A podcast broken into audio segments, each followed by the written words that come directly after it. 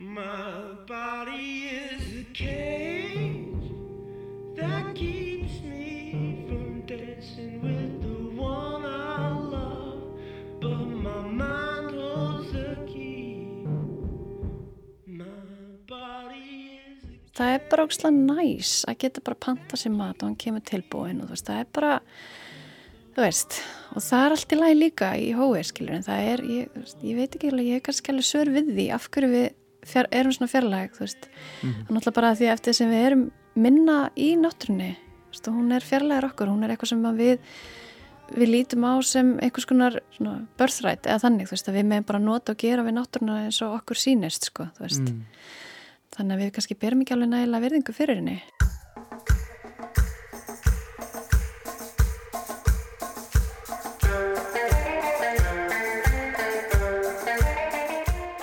Komið í sæl. Við draugum tvær nýjar og tilvistarlegar skáldsögur úr flóðinu í þætti dagsins. Eflaust er best að orða það svo að hið mannlega ástand verður efni viðurinn. Ástand frammi fyrir öðrum, öðru fólki. Helvíti er annað fólk, segir á einum stað. Og ástand frammi fyrir útlits og afrekstyrkun einstaklingshyggjunar.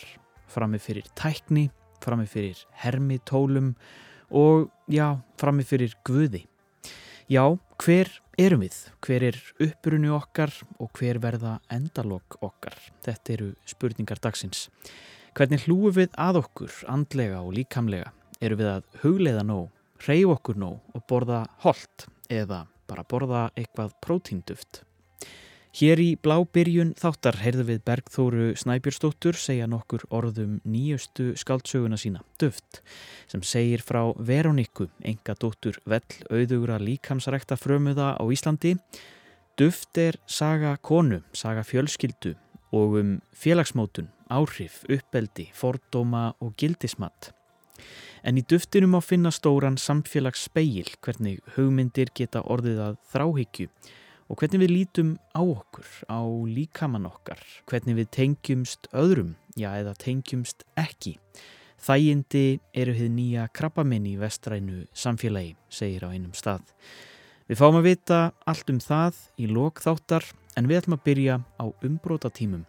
Sigur Jón Bergþór Daðason var að gefa út sína þriðju skaldsugu sem kallast Umbrót.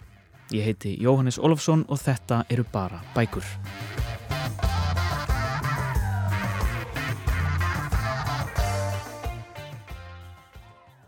Skaldsagan Umbrott barst með nýjum bókavindum nú á dögunum og er eftir Sigurjón Bergþór Daðason. Þetta er þriðja bók höfundar en Sigurjón hafði áður sendt frá sér hendingskast og óbundið slitlag.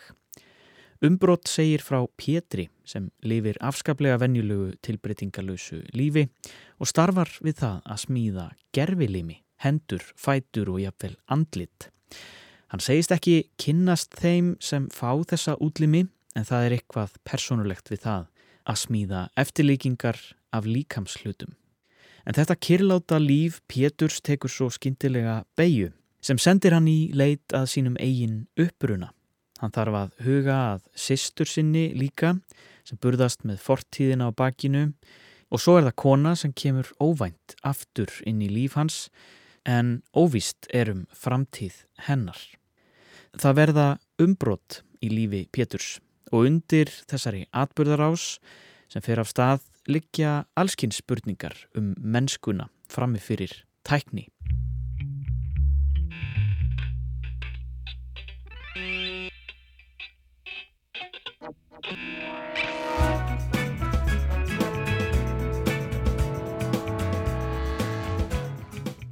Höndin virðist ekki tilera honum, þannig hugsar hann og hikar.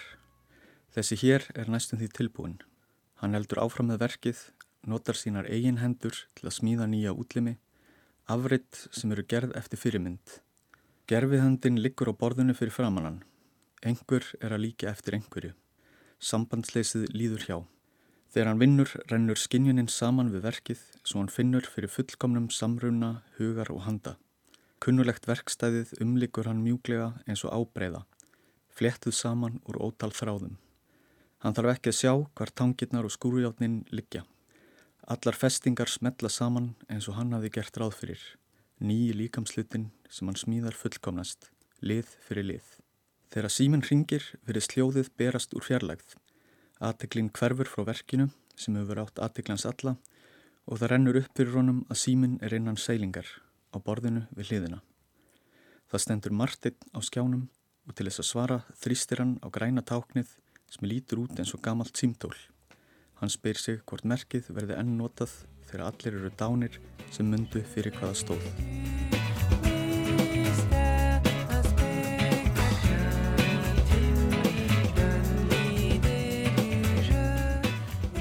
Svona í grunninn þá er bókin um mann sem er ættleitur og er að leita að uppruna sínum uh, og svo koma svona hliðarsögur í þetta meðal annars það að hann smíðar gerfilimi, útlimi fyrir þá sem vantar, hendur og fætur og hérna uh, hann á í ástarsambandi við leikonu sem er náttúrulega stýur og svið og, og þykist vera önnur en hún er mm -hmm.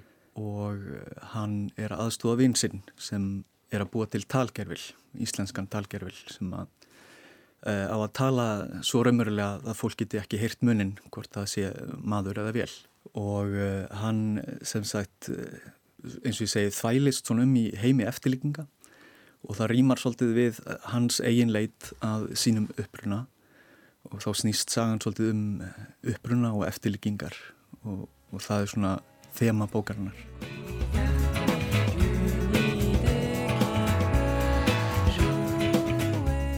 Þessi saga, sérstaklega til að byrja með, þá, þá fær maður alveg skýrt eh, að vita svona, hverjir eru þræðirnir í, í stóru þræðirnir í þessari sögu og þemun eru svolítið þessi hermi veröld sem við, við búum í og um, það eru gerfi limitnir, gerfi greind, talgerfill en svo er þetta líka náttúrulega bara þessi ennþá starri pæling við sko homo sapiens bara sem verkfæra smiðirnir. En tæknin sko hún er líka breyðul, hún getur bröðist okkur, flugvilar geta hrapað og bílar geta klesta á og, og... en þessi nýja tækni hún vekur oft óta þegar hún er alveg splunkun í. Og við erum núna inn í umræðinni meðri einhvern veginn eða rétt að byrja að tala um sko gerfigreindina sem einhvern veginn kom svona pínu flatt upp á okkur. Var það þessi umræða einhvern veginn sem að, sem að hrakti þessa stöð, sögu af staðu eða hvað? Jú, alveg klárlega. Ég, hérna, kveikjan aðinni var svolítið þegar ég sá þessa talgerfla sem voru orðnir svona fullkomnir. Það eru ansi mörg ár síðan að Google var búið að búa til ennskan talgerfil sem eh, svaraði í síma og hérna, talaði alveg ofbóðslega vel einhvern veginn og líkti ótrúlega vel eftir uh, fólki. Híkaði og, og hérna, notaði alls konar svona híkorð og, og svona brellur til þess að fámannlega halda að þetta væri manneski frekar en vel mm. og hérna það vildi svo til að það voru einhverjir náungar hérna búa til íslenskan talgerfil og vinuminn uh, var fenginn til þess að, að lesa þess að þjálfan og þetta var fyrir mörgum árum þeir sögðu þetta er því bara komið á næst ári það rættist ekki alveg en, hérna, en ég svona vissi þess vegna af þessu og hérna, fannst þetta bara óbúslega áhugavert hérna, svona þessi líka þessi tölvutengdu málvísindi og hérna, þessar tilröðinir til, til að reyna að búa til hérna, talandi talandi vél eiginlega mm.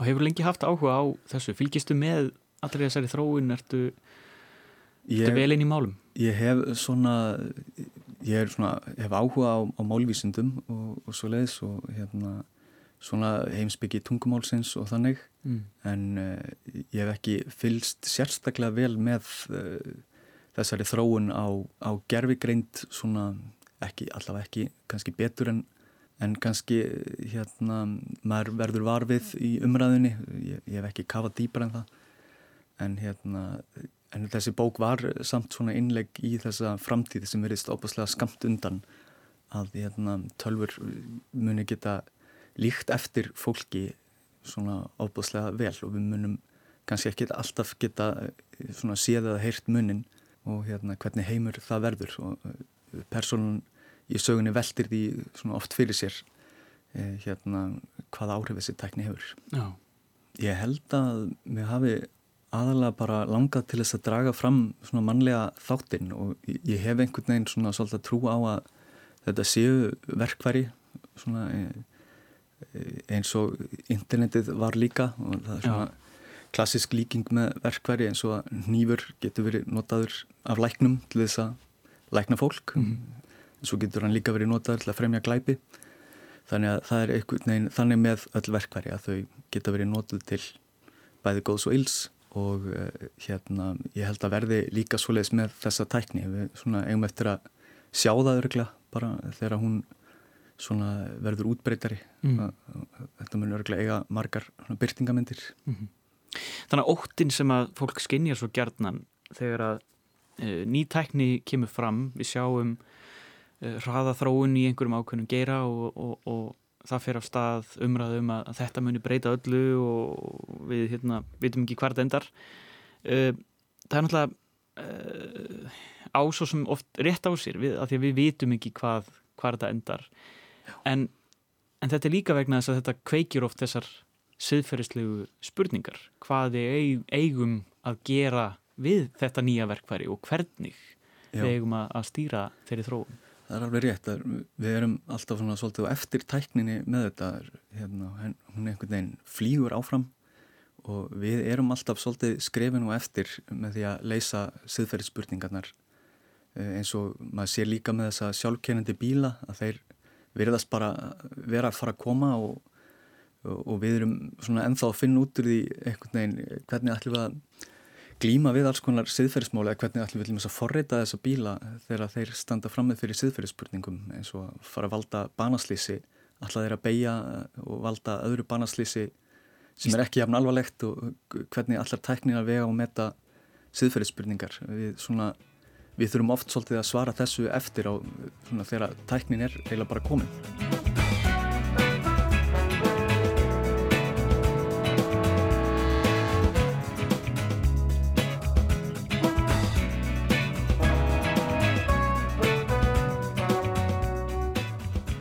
En, eh, en maðurinn þannig í meðjunni er Pétur.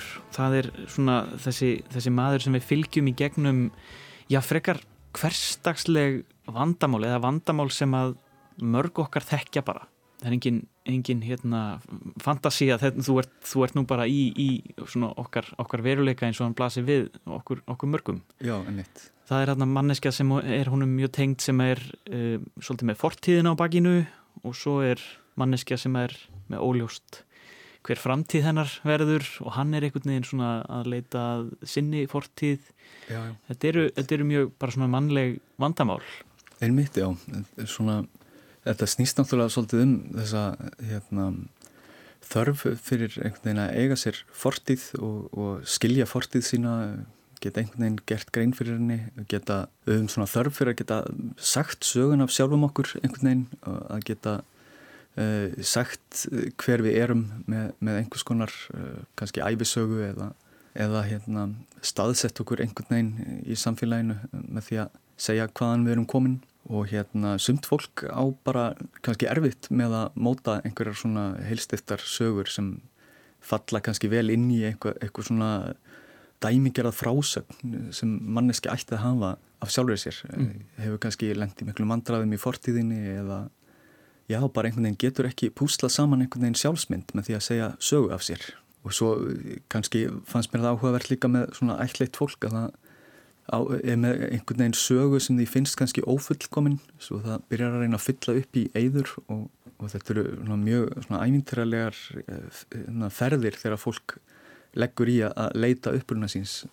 Drómi að þessu efni mm. Það er náttúrulega annað sem við erum sem, sem tegund við töluðum hérna um að við værum verkfæra smiðirnir en við erum líka frásagnartegundin. Við, við eigum mjög erfitt með að, að kljást við uh, já, þær, þær spurningar og, og allt sem, sem við kemur bara okkar tilveru öðruvísi enn í gegnum sögur. Og, og, og það að finna einhvern veginn sjálfan sig svolítið svona uh, get ekki staðsett sjálfan sig alminlega í sinni eigin frásögn sem er náttúrulega alls ráðandi við erum, við erum einhvern veginn sögumenn í okkar, okkar lífi Einmitt. og þessi Pétur er allt í einu vagnar hann upp við það að þurfa að finna sjálfan sig í þessu, finna uppbrunan Einmitt, en það er ekki allir sem að sem að hérna, þurfa þess eða vilja það? Einmitt, það er líka til fólk sem eh, hérna, leitar aldrei að uppruna sínum. Eh, hérna, þetta er, það er bara mjög misjamt. Ég, þegar ég var að, rauninu, að kynna mér þetta efnið, ég, ég vissi ekki sérstaklega mikið um fólk í þessari stöðu áður og mm. fór að horfa á þessa rosalega góðu þætti leitað upprununum eða leitinu upprununum, mm. frekar held ég. Uh, þar eru alveg svona ótrúlegar sögur fólk sem að, hefur svona mikið hugreikill að stíga fram bara fyrir fram að myndavel og, og hérna því ég þó fyllt í, í þessa, þessa leit og hérna það sem ég fannst kannski best við að sjá þessa þætti var hversu personabundin saga þeirra var alltaf. Það var, þetta fólk var svo ólíkt og það mætti þessari, þessum spurningum af svo, af svo ólíkan hátt. Og einhvern veginn eh, gerði það mig aðeins róleiri með mína sögu, ég þyrti ekki að uh, gera personuna mínu ákveðin hátt, ég hefði svolítið frelsið því að fólk er bara svona opaslega mismunandi og hérna í, í sögunu minni þá hefur hann svona sleið spurningun og frest mjög lengi Já. og hefur svolítið svona í staðin fyrir að hérna í rauninni horfast í augu við þessa fortið sína sem er svolítið flókin og kannski erfið þá vinnur hann opaslega mikið, þannig svona eiginlega drekkir sér í vinnu og verður svona vinnusjúklingur og, og fastur einhvern veginn í þeim hjólförum og svo í byrjun sögunar þá kemst svolítið svona rót á lífans þannig að hann hérna Ítir leggur, við þessari, þessari já, ítir við honum út í leitina, já, það mitt að Því hann, alltaf, hann kemst að því að hann, er ætleitur bara þegar hann er 5-6 ára, eða ekki? Jú, jú, hann svona veit af því, já, já. það var sagt honum það fóröldrarnir en hann hefur einhvern veginn eftir hann fullornaðist ekki svona lagt út í það að, að fá upplýsingarnar. Með þetta þá er það þannig að eh, þegar eh, fólk eru orðið átjánara þá hefur það bara rétt á upplýsingunum getur bara lagt fram beðni um þær. Mm. þannig að hann bara hefði ekki gert það þannig að hann gerir það þarna í, eftir eh, þessar eftir honum er svona ítt aðeins af stað Og eins og segir uh, á einum stað þegar hann er að leita að hérna, upplýsingum um, um ætlaðinguna og, og, og svona hver hverju hans fóreldra eru þá sagt hérna, uh, er þið ekki með eitt annað fæðingar og óttorð, það er eitthvað svona vantaði upplýsingar og þá er svarið náttúrulega að, að hvernig getur það verið? Maður fæðist bara einu sinni. Einmitt. og það er náttúrulega bara þetta, þetta eina líf. En, en, en þá stöndum við líka fram með fyrir því að, að við vitum að við munum öll deyja.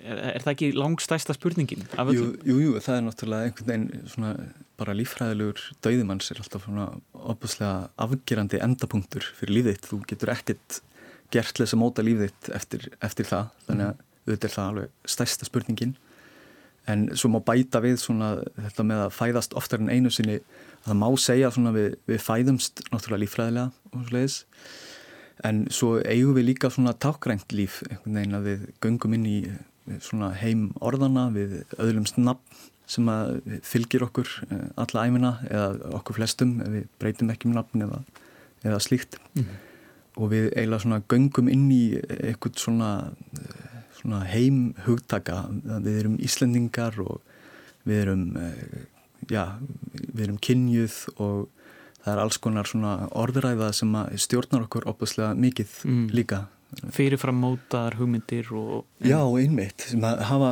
svo sterk tök, svona uppáhaldstæmið mitt um svona þegar hérna, við flækjumst einhvern veginn í, í svona táknheimi, það er svona, þegar maður stendur fyrir framann í ískapin heima, maður er svangur, en maður hefur ekki list á neinu í ískapnum, þannig að þú ert virkilega með bara svona lífræðilegt hungur, langar í mat en einhvern veginn getur ekki borðað matinn sem er beint fyrir fram að nefið á þér og þú vilt, ég veit ekki, panta pítsu út í þú heyrðir auglýsingu eða eitthvað svoleiðis mm -hmm.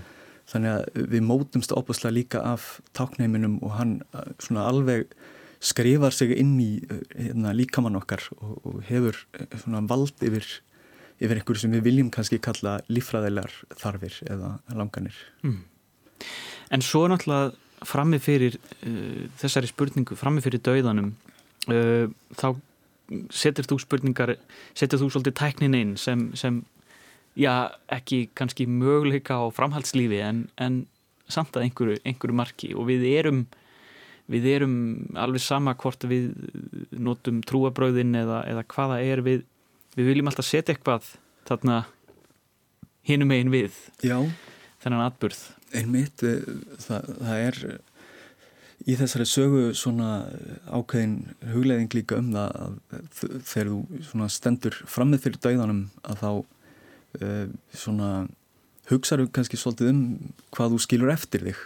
Og sömur þeir kannski eins og til dæmis listamenn þeir vilja skilja eftir sig einhvers konar verk eftir dæðan eða einhvers konar arfleif og ég held að í, í þessari sögu þá er það svolítið spurningin um það að því tæknin svona er já í þessari sögu þá er það svolítið þannig með þessa nýju tækni, talgerfilin að, hann getur orðið svona arfleifð fyrir fólkið sem að er að vinna á þannum og það getur einhvern veginn gert það af einhverju markverðu æfistarfi sínu sem það skilur síðan eftir sig eftir að það er dáið og það er þess vegna sem þetta fólk eh, er svona óbúslega ákaft í vinnunni eh, við þennan talgerfil.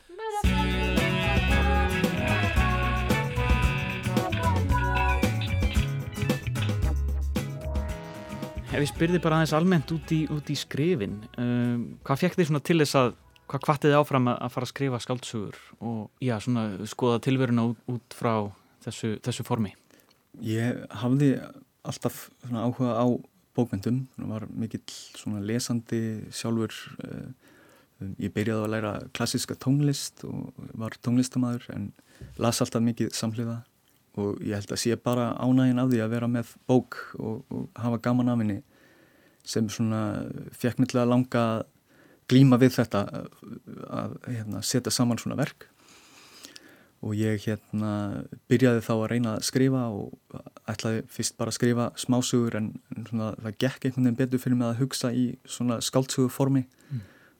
ég var eiginlega bara byrjaður á smásugu en langaði bara alltaf til að lengja hana þá og, og hérna gera hana að stærra verki. Svo það var einhvern veginn þannig var það fyrir ég byrjaði þannig að fyrsta skáltsaga mín var í rauninni svona þann, þannig að ég var með einhverjar smásugur sem ég fléttaði saman og gerði að skáltsugunni og þannig svona þannig byrjiði skrifin hjá mér. Takk hjá það fyrir komuna Sigurjón Berþúr Daðarsson og gangið er vel. Takk fyrir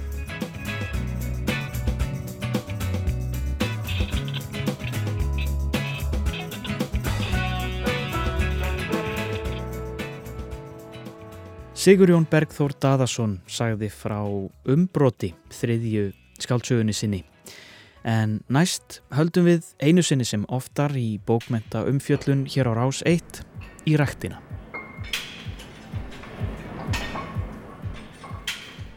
Stöðin var uppáhalds staður minn í öllum heiminum og miðja tilveru minnar. Það var dálegandi að horfa á fólk á hlaupabrettum, fætur þessi endalösri reyfingu fram og tilbaka og fram og tilbaka. Salurinn var eins og stór vél sem gekk og gekk með litlum og hávarum tannhjólum. Stálstangir að hefjast upp til lofts og niður aftur. Málmhljóð í lóðum að skella saman eða detta á mjúkan golfdúkin. Rimjandi, stunur og jáfnvel lítil óp. Dimratað andvarp heil kór af mási. Ah, ah, ah.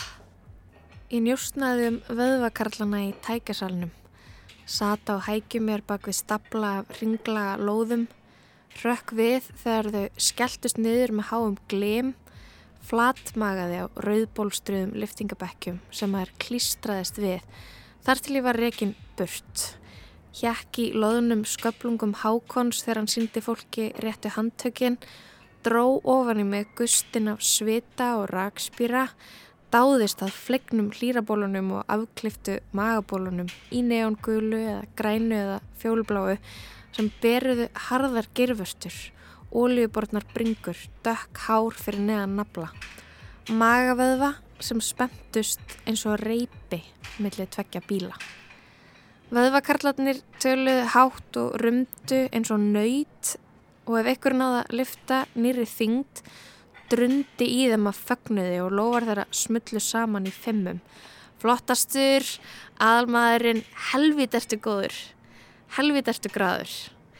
sögðu þeir og veifuðu útréttri hendi en inn á milli svepluðu þeir litlu handklæðanum sem þeir voru með um hálsin og börðu hver annan í rassin. Þú liftir eins og kettling, algjör kettling, helvitis kettling. Ég elskaði þá alla.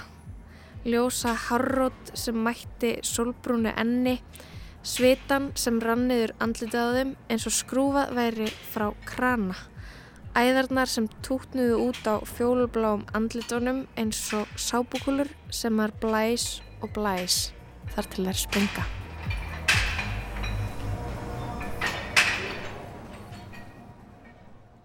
Þessa lýsingu á líkamsræktarstöð er að finna snemma í skáldsögunni Duft sem Bergþóra Snæbjörnsdóttir var að senda frá sér. Þetta er önnur skáldsaga Bergþóru en hún hefur áður gefið út ljóðabækurnar Dalundagar, Flórida og allt sem rennur og skáldsöguna Svínshöfuð árið 2019. Líkamsræktarstöðin með öllu sínu málmglamri, búkljóðum, svita og rakspýralegt er miðpunktur sögunar í skáldsögunni Duft, sérilagi fyrir hluta hennar og heitir líkamsræktin einfallega Stöðin. Duft er saga Veroníku, sögð frá hennar sjónarhóli og við fylgjum henni í gegnum barnæskuna, grunnskólan, vina heimsókninnar og einelti af ýmsum toga. Fóreldra Veroníku eru moldríkir líkamsræktar frömuður á Íslandi og stöðin sem þau setja á fót er uppspretta auðs þeirra sem hefur kipt þeim mikið veldi, hús, víða um heim og stóra glerhöll á Íslandi. Hjónin Hákon og Haldóra eigða þessum peningum í geggjaðar veislur með miklu fyllir í en þau rýfast líka og það heiftarlega. Engver er skorturinn þrátt fyrir allan auðin. Það kræmar undir mikil gremja og gefið er í skinn að framhjáhald eigir sér stað en allt þetta drama er þó séð með augum barsins sem mótast af brengluðu gildismatti og leiðir barnið Veróniku á endanum á fremur undarlegar slóðir, veldur þráhyggju fyrir líkamannum og fastmótuðum hugmyndum um útlitt. Í síðari hluta sögunar fylgjum við Veróniku í gegnum fullorins árin og heyrum bergmálið úr líkamsræktasalnum, aerobik tímonum og öllu tali um dugnað og styrk og allt feita og lata fólkið. Þráhyggjan heldur áfram fyrir heilsu, útliti, næringar dufti af ýmsum toga og svo er það daður Veróniku við það sem kallamætti köld eða sértrúar söfnuð sem hún hefur mögulega og líklega verið í frá blöytu barspeini. Í dufti er að finna stóran samfélagspeil hvernig við viljum svo mörg stjórna öllu, stjórna öðrum og stjórna náttúrunni og tælja eitt rétt fram yfir annað en um leið stjórnumst við sjálf mörg hver leint og ljóst af hugmyndum. My body is a cage that keeps me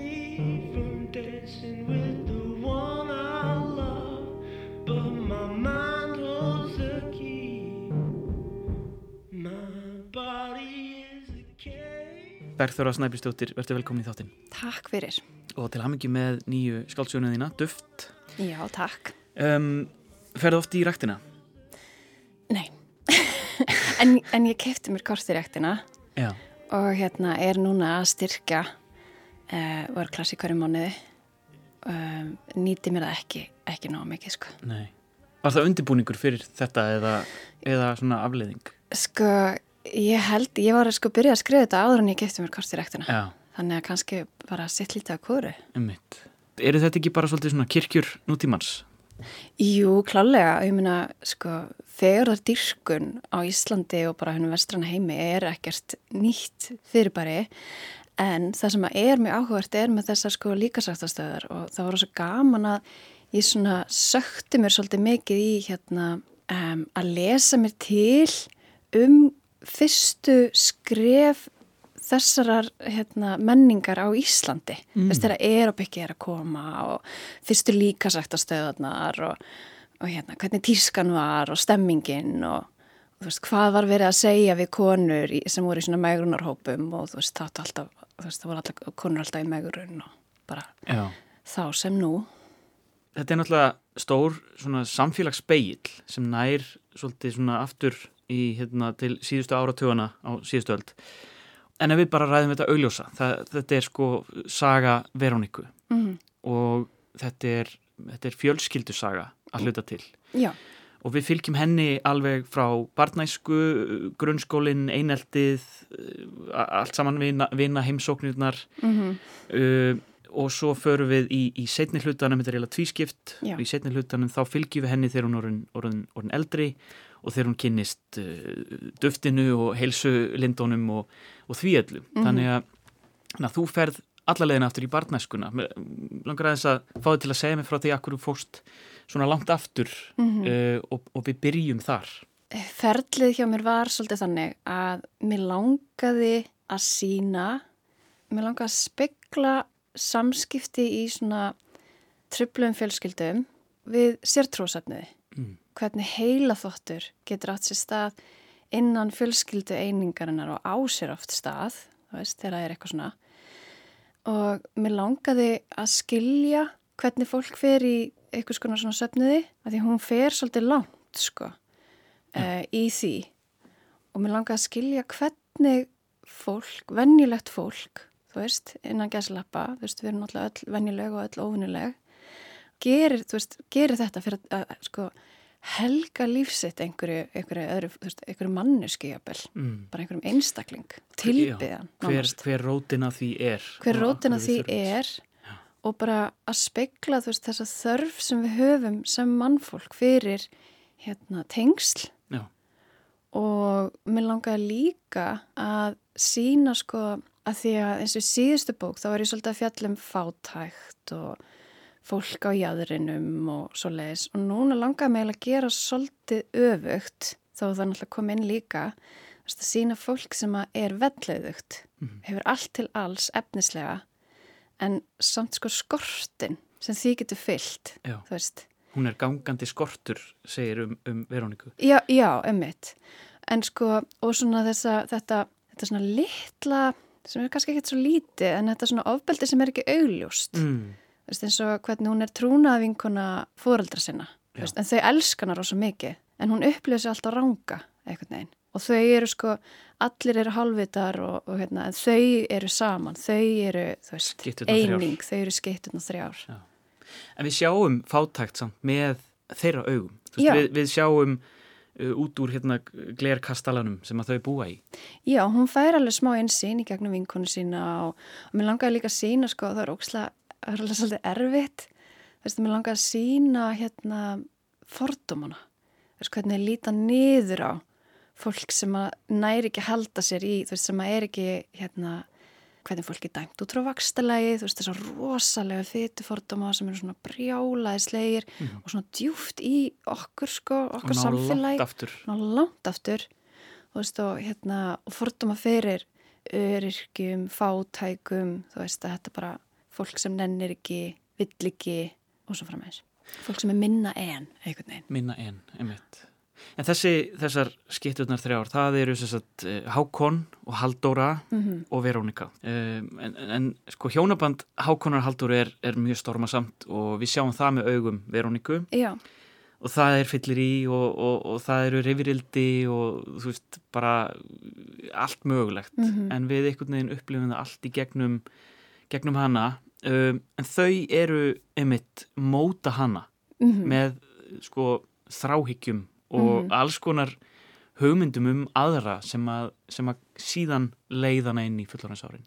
Sko æskan er svolítið svona, þetta er svolítið svona óðutu bönskunar á eitthvað nátt og hún er alveg pínu svona pínu ófiti, þú veist, stelpan, Veronika, sem fær þetta væmnanab frá mömmu, eh, það er ekki fyrir ekki allar Veronikur, þú veist, en henni finnst það sjálfri hérna pínlítið væmið og svona, og Já, fær það frá mömmu sinni og og hérna, og hún er svona, þú veist, við sín, við sko, fyrirlutin er svolítið svona hvernig hún er að reyna að brjótast frá, hvernig hún upplösi aðgrenda frá, en svo hvernig sko heila þótturinn hefur náð tökum á henni, einhvern veginn, hvernig hún er bara orðin innlimið í þetta kerfi, það byrti svona í setni hlutunum og hann er aðeins þingri og tónin aðeins öðru sér því hún er ekki lengur með þetta batslega svona, svona kæti eða þú veist, hún er bara orðin, þú veist, það er bara allt orðið svolítið þúnt hjá henni. mm. og kannski, kannski ekki eins vernduð hún er, ekki, hún er ein, hún er ein. Hún er orðin ein sko Já. þar, hún er ekki inn í þú veist, að því að við erum í fjölskyldu einingun okkar og svo verðum við fullorðin og þá hefur við að standa einn fótum en við kunnum það ekki alveg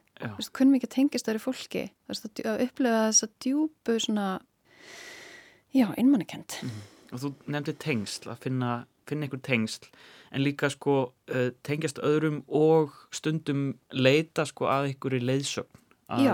við þurfum já, leiðsögn í gegnum lífið af því að þegar við erum stundum eftir ein og, og, og kannski ein manna að uh, þá þurfum við eitthvað svona eitthvað svar Já. og það er ótrúlega mannlegt að leita í svör sama hver þau eru mm og þau byrtast okkur í setni hlutanum í, í svona hvað við innbyrðum og hvernig við reyfum okkur og hvernig við notum líkamann og hugsum um líkamann.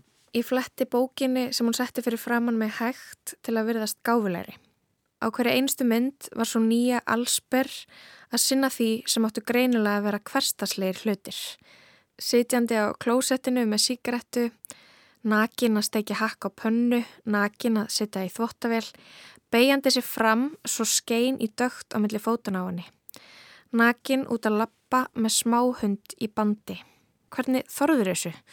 spurði ég og benti á myndina af henni út á götu á píkunni. Fólk starðalveg, sagði hann og glotti. Það var barnaðamæli í einu húsuna þarna og allir krakkarnir þurftust út í glugga til að stara. En ég held að það sé bara gott fyrir fólk að sjá líkama. Við þurfum að sjá fleiri líkama. Nekt er hápólitísk og það að tengja skömm við líkama er náttúrulega eitt helsta vopn kapitalismans. Svo ég skammaðist minn ekki neitt þó nokkur börn á grunnskólaaldri hefðu séð mig lappandum allsbyrra í hverfinu. hún byrjar, þú veist, að því hún er í fyrstu personu vildi að talandin og stemmingin væri svolítið badsleg í fyrirlituna því hún er bad þá. Og í setni hlutunum að þá er hún alltaf orðin fullar en ég vildi samt halda í, svona reyna að halda í sko hennar persónenginni, þú veist og, og hvernig hún hugsar einhvern veginn og, og, en sína samt sko manneski sem er orðin fullarinn, þú veist, hún er ekki bad. En hún einhvern veginn, sko eins og sumir sem hafa verið í ofbeldissambandi kannski það sem er mikið andlet ofbeldi þú veist það sem þeir alltaf sagt og eins og er oft bara með börn og fullarna það er ómikil stjórn, veist það er, þeir eru alltaf sagt hva, hvernig þeir á að líða, hvað þú átt að hugsa og hérna svo allt í hennu, þú veist, hvað þú átt að gera nú átt að gera þetta, nú átt að gera þetta og svo ertu hann fullarinn og þú kannski þú veist, eða komin úr ofbeldissambandinu og þá er eitthvað svona, allt í hennu þarftu að finna sjálfur svörin, þú veist, og þú þarfst að vera leiðtu í eigin lífi og, og ef þú kanta ekki, þá er svo eðlilegt að, þú veist, að vilja bara einhver segi, nú átt þú að gera, nú átt þú, þú veist, ég var loft upplöða þetta, einhvern veginn þess að tilfinningu að, að það sé einhver hluta mér sem er bara, ég vildi að einhver myndi bara vera hérna á heimilinu mín og bara, já, já, nú þú gera þetta og nú þarfst þú að, að hérna, þú veist, fara í rættina, ekki bara liggja hér og hérna, þú veist, og ég væri bara með svona inn á, bara í lífinu einhvers konar life coach, Já. þú veist. En hluti af, af því sem er uh, svona gegnum gangandi í, í bæði, báðum hlutunum er hugmyndir okkar um líkamann Mhm. og það er, er á einu stað að tala um sko líkamann sem svona politist valdatæki Mhm. að því að eða sko nekt sé politist valdatæki við veginn, við finnum til skammar mjög snemma Mhm. fyrir líkamann okkar Já. og fyrir sérstakar hluta líkamanns og við, en samt erum við einhvern veginn al, með algjöra þráhugju fyrir hvernig hann á að líta út og kannski einmitt að því að hann er tabú Já, og líkamar eiga að líta út á ákveðin hátt og ef okkur tekst ekki að vera með líkamar sem lítur þannig út að þá hérna, finnum við til skammar. Og þetta er náttúrulega sko sérstaklega eins og í löndum þar sem að, veist, við hefum þó sundlöðarnar þannig að við fáum að sjá allskins líkama. Já, en eins og í samfélagum þar sem að það er ekki veist, eins og í Pólandi eða Bandaríkinum eða, veist, þá er oft miklu enn meiri skömm og já, og þetta er bara ég minna, þetta er bara verið rannsaka rosalega mikið, þú veist, það voru að gera rannsókn á einhverjum, þú veist stelpum sem að byggja einhverju eigu áður en að sjónvarpi kom og bara hvernig það er upplýðið líkama sinn, þú veist, á ólingsárunum og svo eftir að sjónvarpi kom, þú veist, og það bara allt í nú var komin skömm, þú veist, sem að bara ekki til staðar.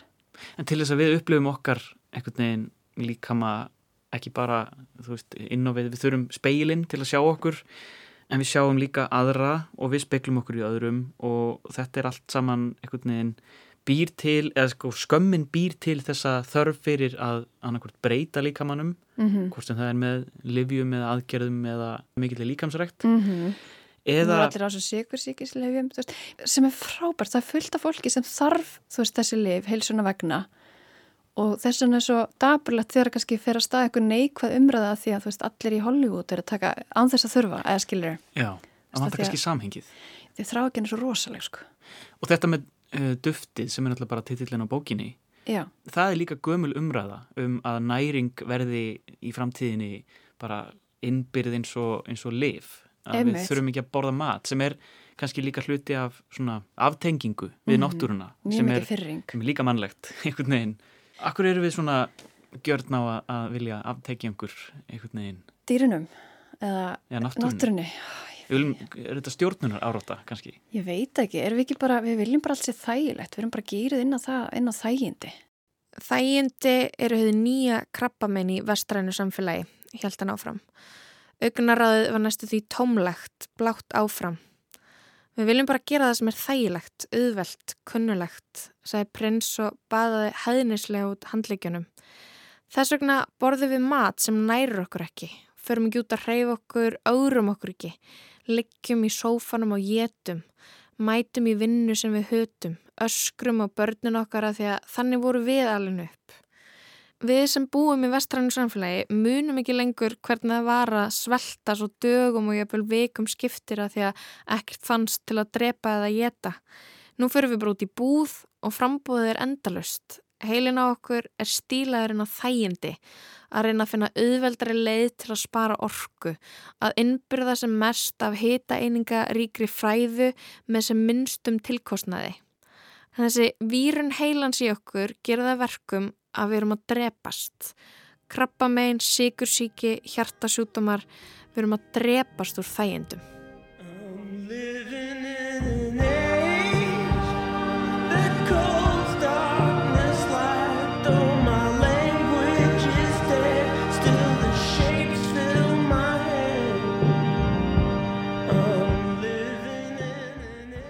Það er bara ógslag næs að geta bara panta sér mat og hann kemur tilbúin og þú veist, það er bara, þú veist, og það er allt í lagi líka í hói, skilur, en það er, ég, ég veit ekki alveg, ég er kannski alveg sör við því af hverju við fjar, erum svona fjarlæg, þú veist, Mhm. og náttúrulega bara því eftir sem við erum minna í náttúrunni, þú veist, hún er fjarlægur okkur, hún er eitthvað sem við við lítum á sem einhvers konar svona, birthright eða þannig, þú veist, að við meðum bara nota og gera við náttúruna eins og okkur sýnist, sko, þú veist. Mm, Þannig að við kannski berum ekki alveg nægilega virðingu fyrir henni. nei, en við notum líka bara annað fólk Við notum annað fólk og þá er líka svolítið það sem ég langa að sína, þú veist, þetta Já. með hvað er að vera auðugur. Þú veist, þess að mamman, hún, hún er rosa mikið að berjast, þú veist, fyrir hérna konu sem hafa lent í heimilisofbeldi og á svona erfið æsku sjálfa baki en einhvern veginn er svo sjálfa beita ofbeldi án þess að gera sér grein fyrir því, veist, inn á heimilinu er algjörlega stjórnlaus og hamslaus og hérna, veist, sem enginn sér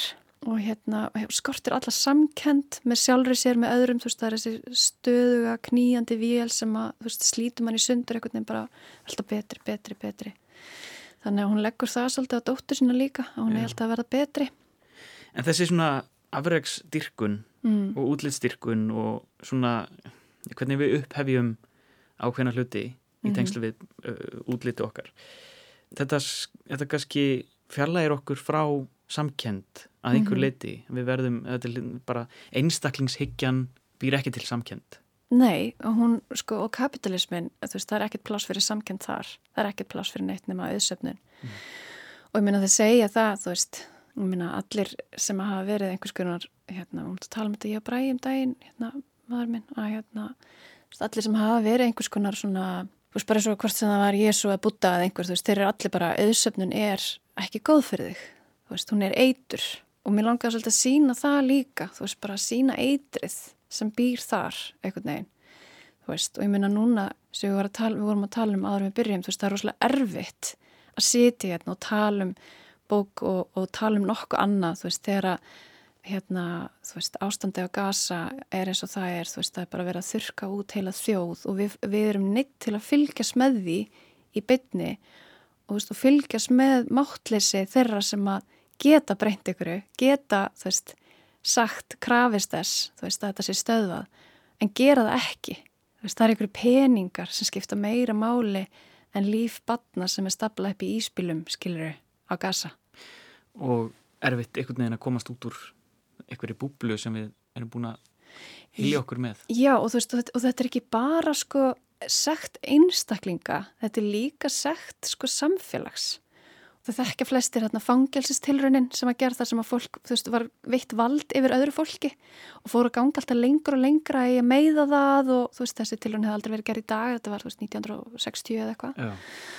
Og fólk einhvern veginn, þú veist, að því að það var sett inn í eitthvað samhengi, þú veist, þá fór fólk að, að sko ganga alltaf lengur og lengra í að meiða þá sem voru, þú veist, fangarnir, fangaverðinir fóru alltaf að beita meira og meira ofbeldi og þú veist, að því að það var bara búið til inn í sko rannsóknarstofu aðstæðum svona mikró hérna, heimur. Mm. þú veist það sem þessi dýnamíka því við erum svo mikil hópdýr. Við erum svo rosalega, við erum alltaf að spekla okkur í öðrum og gera svo aðrir í kringum okkur og hérna, og það, þú veist þar er líka bara eins og ég held allir sem hafi kannski, veist, lagt einhvern í einelti eða eitthvað í grunnskóla þú veist, skömmin sem kannski kemur svo í, þú veist, á fullanasárum þú veist, yfir því, þú veist, það er alveg sás ekki líka hjá gerendunum Já. skilur Sko, það var eitt sem uh, ég gerði þegar ég, eftir að ég las þessa bók, ég fór og náði í ummyndanirnar eftir Óvít. Já, Því það er saga um, um uh, fræga sagan um Narcissus og Echo. já, Þú veist, við á ennsku er það narcissism sem er bara komið úr þessu. Mhm. uh, um, sagan um Narcissus sem er ástfanginu sjálfum sér. mhm Og það er uh, svona vítil varnaðar saga. Já, Um það að ef við verðum of upptekin af okkur sjálfum þá deyjum við. já, já, það er svo mikill sássöki egoinu, sko. En svo er líka, þetta er svolítið skemmtilegt og minnast á þetta því ég á vinkunni sem að sko er með hérna, smá svona þráhyggju fyrir ekko. Hún glemist alltaf í sögunni. Já. Hún Sem er, eldir já, hún er svona dís sem að eldir hann og hérna og, og, og, breytir svo í bergmál. Mhm. Þú veist, þannig að hún spekla bara það sem allir kringum hann að segja. Og þetta speklar sem sagt sambandi millir narsisista og þá kalla ég bara þú veist, alla sem taka rosalega mikið pláss hversu sem ástæðan er, þú veist, hvort sem það er bara þú ert með, hérna, persónleika röskun eða þú ert með þú veist, e, þú veist, eitthvað sem gera fíknisjúkdum, eitthvað sem gera verkum að þú ert rosalega stór og fólki í kringu þig verður rosalega lítið, veist, af meðvirknin skilur að þú breytist í bergmál Já. Þannig að ef þú ert, þú veist, þú veist ekki hver þín rödd er að því þú segir bara það sem að næsta manneski undan þér segir, þú veist, þú ert bara bergmál, þú ert bara ekko. Berþóra, ég, um, getum örgulega verið hérna heilengi að ræða heimsbyggi og hugmyndir um, það er heilmart að, að pæli í þessari nýju bók, duft Já, það var, veist, það var mjög mikil hugsun sem fór í þetta, þetta var bara mjög laung og svolítið svona erfið fæðing. Ég var bara lurkum lamin þegar hún var einhvern veginn búin. Þannig að hérna, þannig að ég er bara glöð, þú veist, að hún sé bara einhvern veginn komin út og fólk getur haft mjög smöndi skoðanir á henni og einhvern veginn og þú veist, og hún fær bara að lifa sínu lífi. Berþóra, takk fyrir komuna og gangið vel Takk fyrir.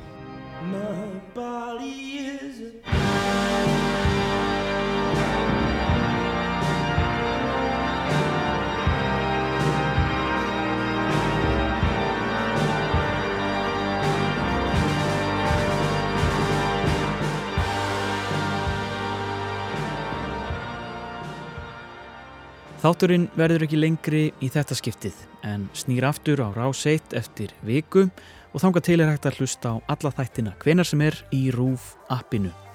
Hlustendur geta fylgst með mér og mínum lestrarvenjum á bókasíðunni Goodreads undir nafninu Bara Jói og haft samband í gegnum netfang þáttarins Bara Baekur hjá RÚF.is. Ég heiti Jóhannes og þakka fyrir samfylgdina í dag. Verið í sæl.